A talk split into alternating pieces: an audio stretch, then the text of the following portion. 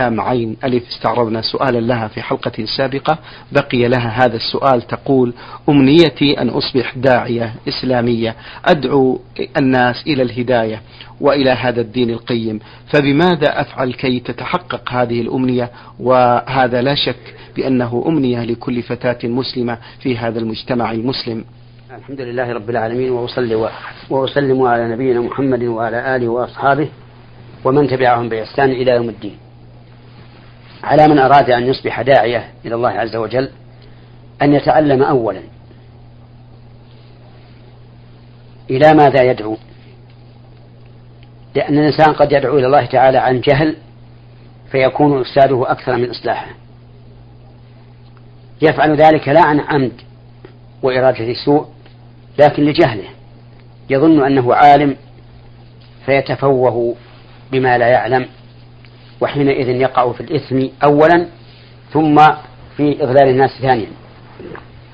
أما وقوعه في الإثم فلقوله تعالى قل إنما حرم ربي الفواحش ما ظهر منها وما بطن والإثم والبغي بغير الحق وأن تشركوا بالله ما لم ينزل به سلطانا وأن تقولوا على الله ما لا تعلمون. ولقوله تعالى ولا تقف ما ليس لك به علم إن السمع والبصر والفؤاد كل أولئك كان عنه مسؤولا. وأما إضلال الناس فلأنه قد يدعوهم إلى محرم وهو لا يدري أنه محرم. فقد يبيح لهم ما حرم الله وقد يوجب عليهم ما لم يوجبه الله. فلا بد لكل داعية إلى الله عز وجل من أن يكون عالما بما يدعو إليه. ثانيا لا بد أن يكون مخلصا في دعوته إلى الله. بأن يقصد بدعوته إصلاح الخلق. وامتثال أمر الله تعالى بقوله وتعاونوا على البر والتقوى وحصول الدين الحقيقي لقول النبي صلى الله عليه وسلم الدين النصيحة الدين النصيحة الدين النصيحة. قلنا لمن؟ يا رسول الله. قال لله ولكتابه ولرسوله ولأئمة المسلمين وعامتهم. دون أن يقصد في الدعوة إلى الله الانتصار لنفسه أو إطفاء لهيب الغيرة الذي في قلبه لأن هذا قد يقع من بعض الناس لكن لا شك أن نية الإصلاح والنصيحة لعباد الله هي الطريق الأسلم والأوفى. لا بد للداعية أيضا من أن يكون حكيما في دعوته بحيث ينزل كل إنسان منزلته. ولهذا قال الله عز وجل ادع إلى سبيل ربك بالحكمة والموعظة الحسنة وجادلهم بالتي هي أحسن. فذكر الله تعالى ثلاثة أشياء الحكمة وهي بيان الحق وإيضاحه والإطلاع أو الإطلاع على محاسن الدين الإسلامي. ثم بالموعظة إذا لم يرى قبولا ممن دعاه. يعظه الموعظة الحسنة. التي تلين قلبه وترققه وتوجب الانصياع لما دعوته إليه. والثالث المجادلة بالتي هي أحسن. وذلك فيما إذا كان المدعو معاندا مجادلا. فلا بد أن يجادل بالتي هي أحسن. أحسن في عدة أمور. أولا من حيث العرض. فيكون المجادلة بالأدلة النقلية من كتاب الله وسنة رسوله. أو الأدلة العقلية التي تؤيد ما جاء في الكتاب والسنة. وكذلك يكون من حيث الإقناع بمعنى أن يأتي بالأدلة الواضحة التي لا تحتمل المعارضة دون الأدلة التي قد يعارض فيها المجادل. ولهذا لما حاج الرجل الكافر إبراهيم عليه الصلاة والسلام فقال له إبراهيم ربي الذي يحيي ويميت. قال أنا أحيي وأميت. فعدل إبراهيم عليه الصلاة والسلام عن مناقشته في هذا الأمر وقال له إن الله يأتي بالشمس من المشرق فأتي بها من المغرب. فبهت الذي كفر وعجز عن عن, عن الرد. فلا ينبغي للمجادل أن يسلك طريقا يحتمل الأخذ والرد بل يسلك الطريق الذي يكون قاسم الظهر. لا مكان للمحاجة فيه.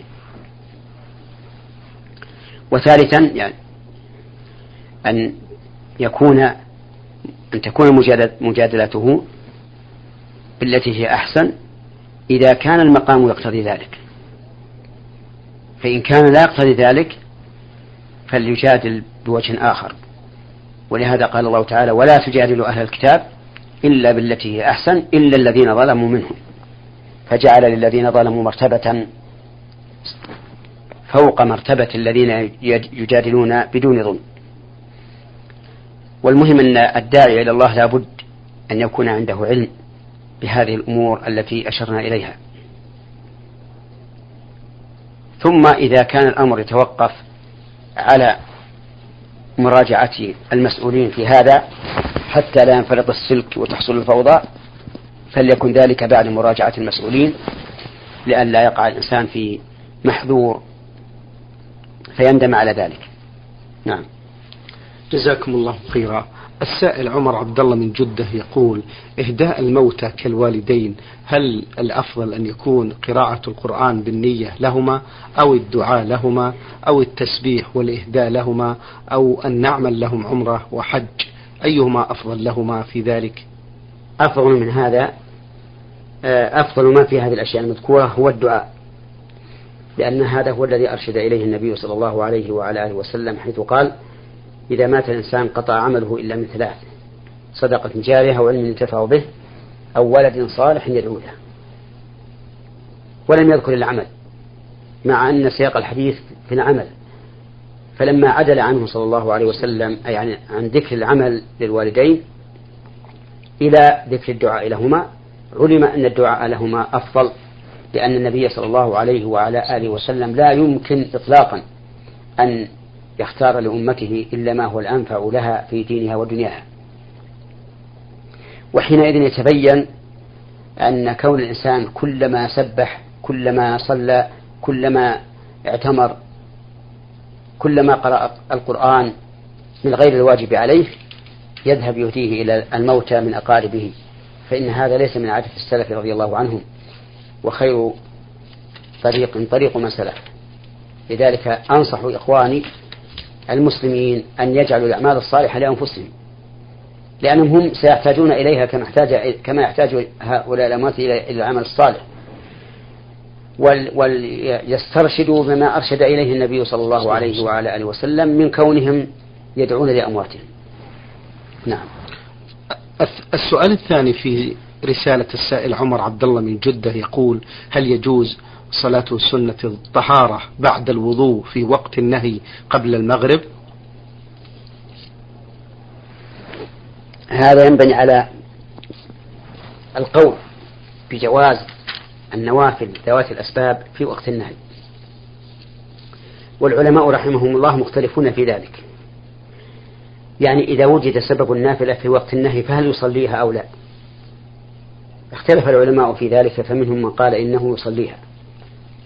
ومنهم من قال إنه لا يصليها إلا ما جاءت في السنة. ومنهم من قال إنه يصليها على سبيل العموم أي يصلي النوافل ذوات الأسباب. مثال ذلك توضأ رجل بعد صلاة العصر فمن العلماء من يقول لا يصلي سنة الوضوء ومنهم من قال يصلي سنة الوضوء. ومنهم قال لا يصليها لأنها لم ترد بذاتها. والصواب أنه يصليها. وأن الضابط هو. إن كانت صلاة النافلة لها سبب فإنه يصليها عند وجود سببها في أي وقت. بعد العصر بعد الفجر عند زوال الشمس في أي وقت. وإن لم يكن لها سبب فلا يصليها. وعلى هذا فإذا دخل الإنسان المسجد بعد صلاة العصر فلا يجلس حتى يصلي ركعتين. بعد صلاة الفجر لا يجلس حتى يصلي ركعتين. عند زوال الشمس لا يجلس حتى يصلي ركعتين. إذا آه، كسبت الشمس بعد صلاة العصر يصلي صلاة الكسوف إذا كان له استخارة عاجلة لا تحتمل التأخير إلى زوال النهي فيصليها في وقت النهي. إذا صل إذا توضأ فيصلي صلاة سنة الوضوء في أي وقت. إذا دخل المسجد ووجدهم يصلون وقد صلى من قبل يصلي معهم في أي في أي وقت. وهلم جرا هذا هو القول الراجح من أقوال أهل العلم لدلالة السنة عليه وهو إحدى الروايتين عن الإمام أحمد رحمه الله واختيار الشيخ الإسلام ابن تيمية. بقي أن يقال يكون الناس في انتظار صلاة الجمعة. يأتي الرجل إلى المسجد مبكرا. ويصلي ما شاء الله ثم يجلس يقرأ القرآن. فإذا قارب الزوال قام يصلي. فهل هذا جائز؟ نقول هذا ليس بجائز. لأن قبيل الزوال بنحو عشر دقائق وقت نهي. فقد ثبت عن النبي صلى الله عليه وسلم من حديث عقبة بن عامر أنه لا صلاة في هذا الوقت. وأنه ينهى عن الصلاة في هذا الوقت. وهذا الرجل الذي تقدم إلى الجمعة وصلى ما شاء الله وجلس يقرأ القرآن ليس هناك سبب أن يقوم فيصلي عند زوال الشمس. والقول بأن صلاة الجمعة ليس فيها وقت نهي عند الزوال دليله ضعيف لا يعتمد عليه.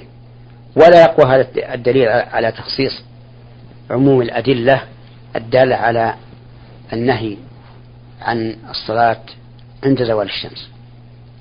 وعلى هذا فيقال لهؤلاء لا تقوم للصلاة عند زوال الشمس يوم الجمعة. أما لو كان الإنسان يصلي من حين دخل مثل أن يكون أتى قريبا إلى المسجد وجعل يصلي ما شاء الله من الركعات حتى جاء الإمام فهذا موضع نظر. فمن العلماء من قال إنه لا بأس به لأن الصحابة كانوا يتطوعون بالصلاة إلى مجيء الرسول صلى الله عليه وسلم بصلاة الجمعة. ومنهم من قال لا يؤخذ بالنهي عن الصلاة في هذا الوقت ولا يرخص إلا فيما له سبب. وهذا القول أحوط وأحسن. والخلاصة التنبيه على فعل هؤلاء الذين يكونون في المسجد فإذا قارب يعني يكون المسجد يوم الجمعة فإذا قارب الزوال قاموا يتطوعون. نقول هذا أمر منهي عنه. نعم. أثابكم الله. السائل أخوكم في الله المهدي من الدمام يقول آه ارتكبت ذنبا وحلفت بالله ألا أعود أن لا أعود إليه ثانية ولكنني عدت إليه ثم قلت لو عدت إلى هذا العمل تكون زوجتي علي كظهر أمي لكنني عدت وللأسف الشديد. والسؤال هل علي كفارة؟ وهل أطعم مساكين؟ هذا الرجل ذكر أنه حلف أولا وظاهر ثانيا. أما حلفه فلو قال إن شاء الله لكان سببا لإدراك مقصوده. لو قال والله إن شاء الله لا أعود عليه. لا أعود إليه. ربما يكون هذا سببا في إدراك ما, ما, ما حلف عليه. لكنه لم يقل إن شاء الله. ولهذا حنث. والذي ينبغي لكل حالف ولو كان جازما أن يقول إن شاء الله. لأنه إذا قال إن شاء الله استفاد في بذلك فائدتين. الفائدة الأولى الإعانة على فعل ما حلف عليه. والفائدة الثانية أنه لو حنث ولم يفعل لم يكن عليه كفارة. ودليل ذلك ما ثبت في السنة النبوية أن سليمان عليه الصلاة والسلام وهو أحد أنبياء بني إسرائيل. آتاه الله النبوة والملك. فحلف ذات يوم أن يطوف على تسعين امرأة أي يجامع تسعين امرأة تلد كل واحدة منهن غلاما يقاتل في سبيل الله. فقيل له قل إن شاء الله. لكنه عليه الصلاة والسلام لم يقل اعتمادا على ما في نفسه من الجزم والعزيمة فجامع تسعين امرأة في تلك الليلة ولم ترد ولم تلد منهن إلا واحدة. ولدت شق إنسان لا إنسانا كاملا. قال النبي صلى الله عليه وسلم لو قال إن شاء الله لم يحنث وكان دركا لحاجته. وعلى هذا فنقول لهذا الأخ. لو أنك حين أردت أن تحلف على أن لا تعود إلى هذه المعصية قلت إن شاء الله لكان هذا سببا لإدراك ما تريد. لكن لم يحصل. فعليك حينئذ كفارة يمين وهي إطعام عشرة مساكين أو كسوتهم أو تحرير رقبة فإن لم تجد فصيام ثلاثة أيام متتابعة. ثم إني أنصحك وأنصح كل من يسمع كلامي هذا أن لا تجعلوا الأيمان أو النذور سببا لامتناعكم من المعصية أو لفعلكم للطاعة. لأن لأن الله تعالى أنكر ذلك فقال وأقسموا بالله جهد أيمانهم لئن أمرتهم ليخرجن قل لا تقسموا. طاعة معروفة. يعني عليكم طاعة معروفة بدون قسم. وهذا نص من القرآن. أما السنة فقد ثبت عن النبي صلى الله عليه وعلى آله وسلم أنه نهى عن النذر وقال إنه لا يأتي بخير وإنما يستخرج به من البخيل.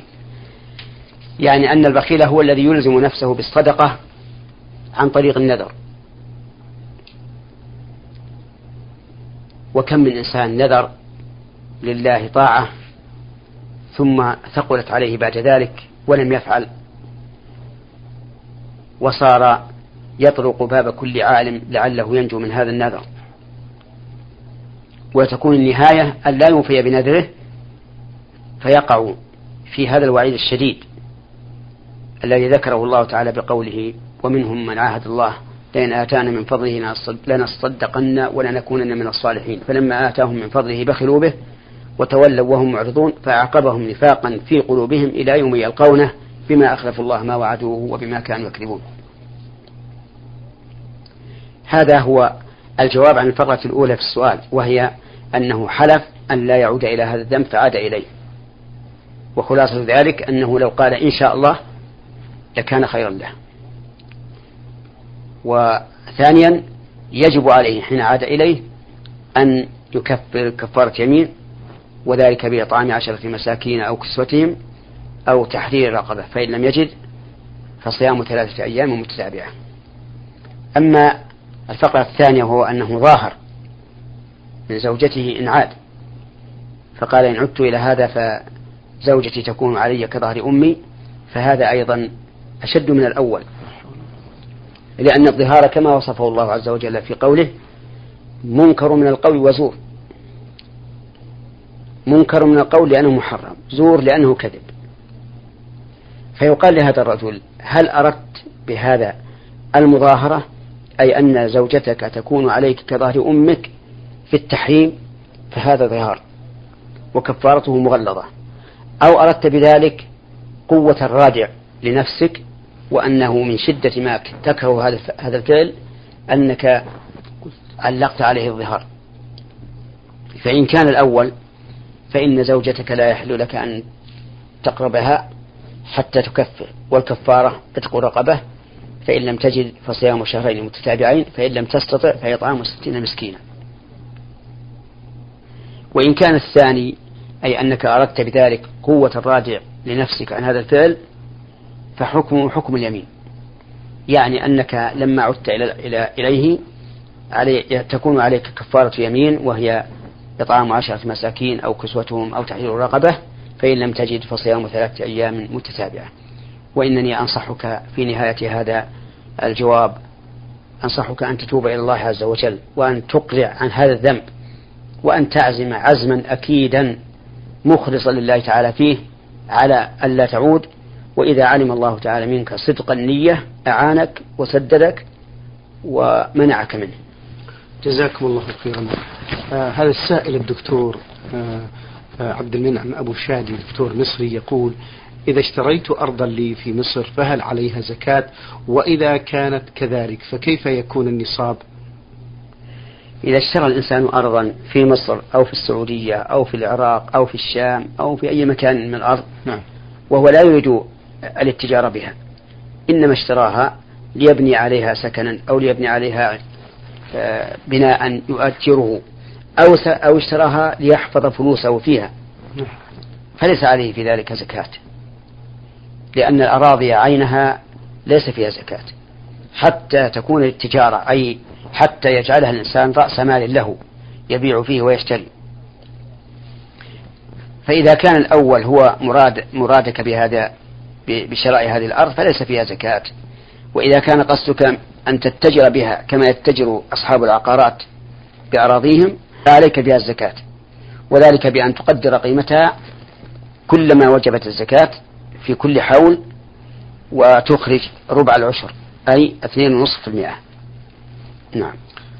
يقول السائل إذا استيقظ الإنسان بالضبط وقت شروق الشمس فكيف تكون أداء الصلاة؟ هل هو في وقتها أم بعد ارتفاع الشمس بقدر رمح؟ يجب على الإنسان إذا استيقظ من نومه أن يصلي حين استيقاظه سواء عند طلوع الشمس أو عند غروبها أو في أي وقت. لعموم قول النبي صلى الله عليه وسلم من نام عن صلاة أو نسيها فليصليها إذا ذكرها. يعني ليصليها إذا ذكرها حال النسيان أو إذا استيقظ حال النوم. ولا يجوز له التأخير. فعليه أن يتوضأ إذا استيقظ حين شروق الشمس عليه أن يتوضأ ثم يصلي سنة الفجر وهذه يعني سنة الفجر مستحبة وليست واجبة ثم يصلي الفريضة. وحينئذ أقف قليلا لأوجه النصيحة إلى هذا السائل وغيره ممن يتساهلون بتأخير صلاة الفجر من أجل النوم. وأقول إنه يجب على الإنسان إذا كان لا يستيقظ إلا بموقظ أن يتخذ موقظا إما شخصا يعتمد عليه ويكون ثقة وحريصا على إيقاظه وإما آلة منبهة. وهذا والحمد لله أعني الآلة المنبهة كثير. يستطيع كل إنسان أن يدركها. وأما أن يعطي نفسه مهلة متى استيقظ قام وصلى فهذا خطأ عظيم. وعلى خطر أن لا تقبل صلاته. لأن كل إنسان يتعمد تأخير الصلاة عن وقتها فإنه لا صلاة له إذا صلى ولو صلى مئة مرة. لأن تأخير الصلاة عن وقتها بلا عذر شرعي يعني أنه عمل عملا ليس عليه أمر الله ورسوله وقد قال النبي صلى الله عليه وعلى آله وسلم من عمل عملا ليس عليه أمرنا فهو رد. أي مردود عليه. نعم.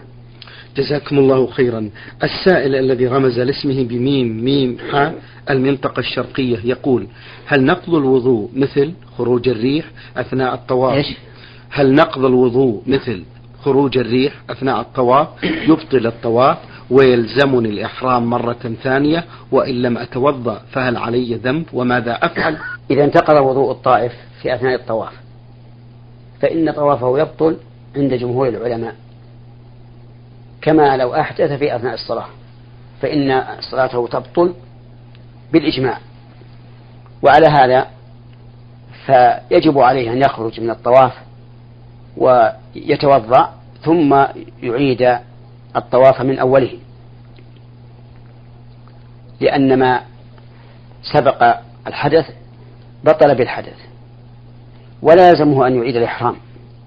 وإنما يعيد الطواف فقط. وذهب شيخ الإسلام رحمه الله إلى أن الطائف إذا أحدث في طوافه أو طاف بغير وضوء فإن طوافه صحيح. وعلى هذا فيستمر. إذا أحدث في طوافه يستمر في الطواف. ولا يلزمه أن يذهب فيتوضأ. وعلل ذلك بأدلة من طالعها تبين له رجحان قوله رحمه الله. نعم. نختم هذا اللقاء بسؤال السائل. نعم ولكن تفضل. إذا قلنا بهذا القول الذي اختاره شيخ الإسلام لقوة دليله ورجحانه فإنه إذا فرغ من طوافه لا يصلي لأن لا يصلي ركعتي الطواف. لأن ركعتي الطواف صلاة يشترط تشترط لها الطهارة بإجماع العلماء. نعم. نختم هذا اللقاء بسؤال السائل ميم ميم حامل المنطقة الشرقية يقول الذنوب التي بين العبد وبين خالقه وبين خالقه آه، يغفرها الله ولكن الذنب الذي علي لشخص آخر يجب أن أذهب إليه وأن أطلب منه العفو والسماح ولكنني لا أستطيع أن أتوجه إليه ولا أستطيع أن أواجه هذا الشخص مهما كانت الأسباب لأنني أنا في منتهى الإحراج منه وسمعتي عنده طيبة وقد ظلمته وسببت إليه بعض الإشكال. ماذا أفعل؟ أفيدوني أفادكم الله. الواجب عليك أن تستحل من ظلمته في عرضه أو ماله أو بدنه في الدنيا قبل الآخرة. لأنك إذا لم تستحله في الدنيا فسوف يأخذ من حسناتك يوم القيامة بقدر مظلمتك إياه. إن كانت المظلمة كبيرة أخذ من حسناتك كثيرا وإن كانت صغيرة أخذ بقدرها. فلا بد أن تستحله لكن إذا كنت لا تستطيع مواجهته فإنه يمكنك أن تكتب إليه رسالة بغير قلمك بل بالمطبعة وتقول رجل نادم حزين على ما ما آه، صنع إليك من الإساءة في عرضك أو مالك أو ما أشبه ذلك. يطلبك العذر ولك من الله الأجر. وهو وهو بنفسه إذا ورد إليه مثل هذا الخطاب فالذي ينبغي له أن يعفو ويعذر لقول الله تبارك وتعالى وأن تعفوا أقرب للتقوى. ولقوله تعالى فمن عفا وأصلح فأجره على الله. وهذا الرجل النادم لا شك أن العفو عنه إصلاح. فإذا عفى عنه فإن أجره على الله وكون أجره على الله أعظم من كون أجره يؤخذ من حسنات الظالم. ثم يرد يرد سؤال هل يجب أن أعين ما ظلمته فيه أم يكفي أن يحللني عن المظالم مطلقا. الذي يظهر لي إذا كان إذا كانت المظلمة قد بلغته. نعم. فلا بد أن يعين. وأما إذا لم تكن بلغته فإنه لا حرج أن يطلب منه العفو على سبيل الإطلاق. شكر الله لكم فضيلة الشيخ وبارك الله فيكم وفي